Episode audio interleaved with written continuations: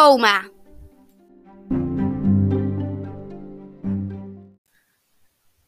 Er was eens een meisje genaamd Roos. Ze wou wat geld ophalen in de bank en daar liep ze heen.